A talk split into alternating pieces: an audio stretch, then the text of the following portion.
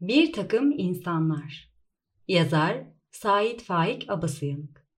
Seslendiren Seda Görüroğlu. Gece. Saat 12'yi 10 geçiyor. Taksim'de saatin altında tramvay bekliyorum. Öyle olmasa bu kadar ince eleyip sık dokumaya lüzum görmez, vakit gece yarısını geçmişti derdim. Epey oluyor. Baharın bu soğuk günlerinde şu devam eden kıştan bir buz gibi gece hatırıma geliyor. O zamanlar daha bahardan haber bile yoktu. Şimdi ne kadar olsa sisin ve yağmurun hatta soğuğun içinde insanı şaşırtan ve başını döndüren bir koku var. O zamanlar daha camlı köşkün camlarını ve hanende ilanlarının mavi ışığını üşüterek geçen buz gibi bir rüzgar esiyordu.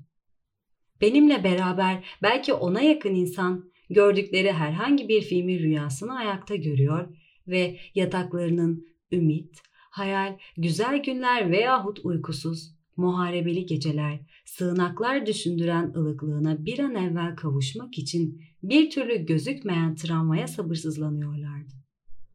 Ağzımdan su buharı fışkırıyor. Birbiriyle konuşanların arasına bir sis tabakası seriliyordu. Yatak şimdi bütün insanlar için ekmek kadar azizdir. Yatak bir sevgili, yatak hatıra, yatak çocukluk, güzel rüya, yatak bir bahar, bir deniz kenarı, bir egzotik memleket. Bu saniyede insana dostlarım yatak ne değildir ki? Burnum yastıkta, yorganım ağzım hizasında. Kirpi gibi büzülmüşüm, dalmak üzereyim. Bir şeyler, bir takım kuşlar tüylerini döküyor. Bir ılık su damlıyor. İçimi yıkayan bir çeşme var. Tramvay hala yok. Biraz daha yerimde yatağımı, uykuyu düşünsem belki de uyuvereceğim. Donmak üzere olan insanların tatlılığını içimde duymaya başladım. Bari gideyim, şu açık pastanede bir ıhlamur içeyim de sonra yatarım dedim. Bir iki adım atmamıştım ki önüme bir adam dikildi. Rüzgardan yalnız bir karartı gördüm.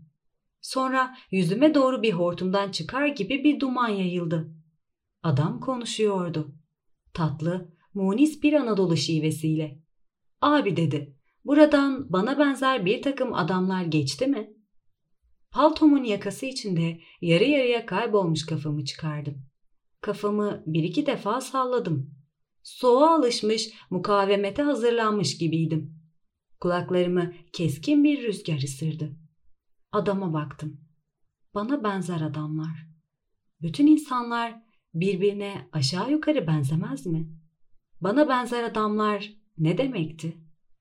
Evet, adamın hakkı vardı. Ona benzer adamlar. Ötekilerden kolaylıkla ayrılabilirdi. Kış günü bir şehirde insanlar palto, şapka giyer, ayaklarında fotinler vardır. Belki paltolarının renkleri, şapkalarının kurdeleleri ve ala Amerikan yahut Alaturka şapkalarıyla birbirlerinden ayrılabilirler icap ederse. Bu adamın ne paltosu, ne şapkası, ne de ayakkabıları vardı.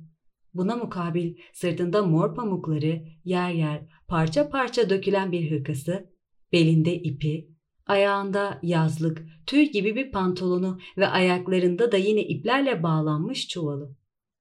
Yüzü tatlı, esmer, renkliydi. Sakalı uzamıştı. 25-30 yaşlarında gözüküyordu.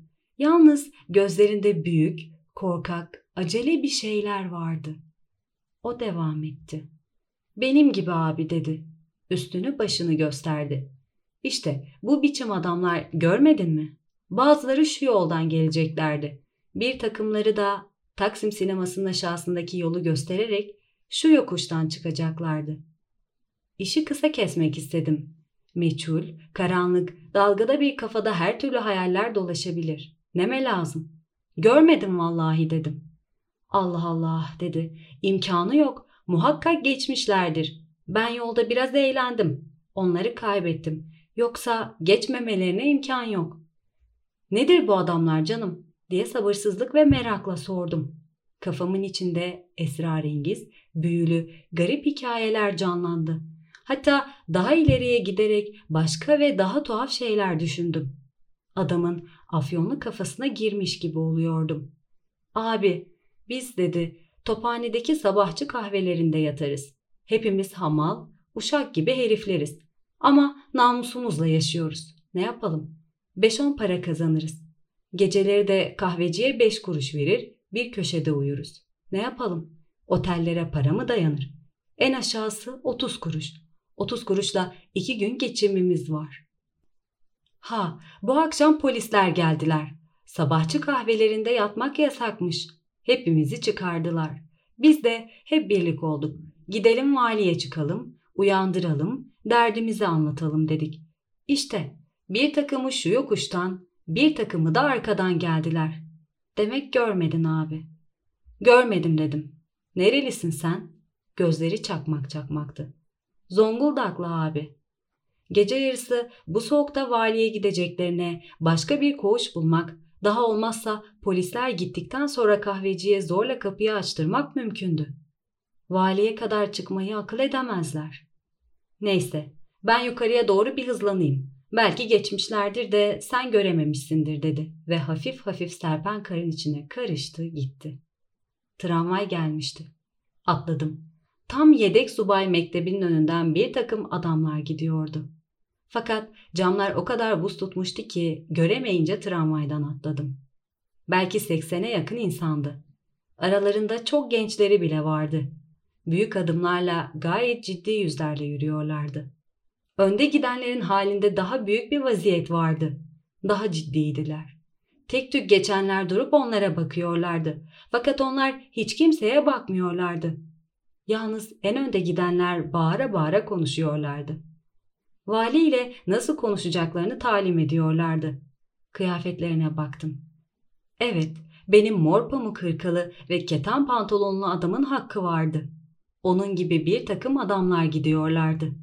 Kulaklarımda genç Zonguldaklı'nın canım benim gibi adamlar be abi dediği zamanki hali geliyordu. Yatağım, tramvay beklediğim dakikalardaki o munis halini kaybetmişti artık. Ne şu ne buydu. Bir yataktı. İçinde yatabildiğim için mesut değildim. Sabahçı kahvelerini kapamadan evvel birkaç tane gece barınma evine şiddetle ihtiyacı olan İstanbul şehrinin kışı bazen ne kadar uzun, ne kadar uzun ve bitmez tükenmez bir afettir. Bilen bilir.''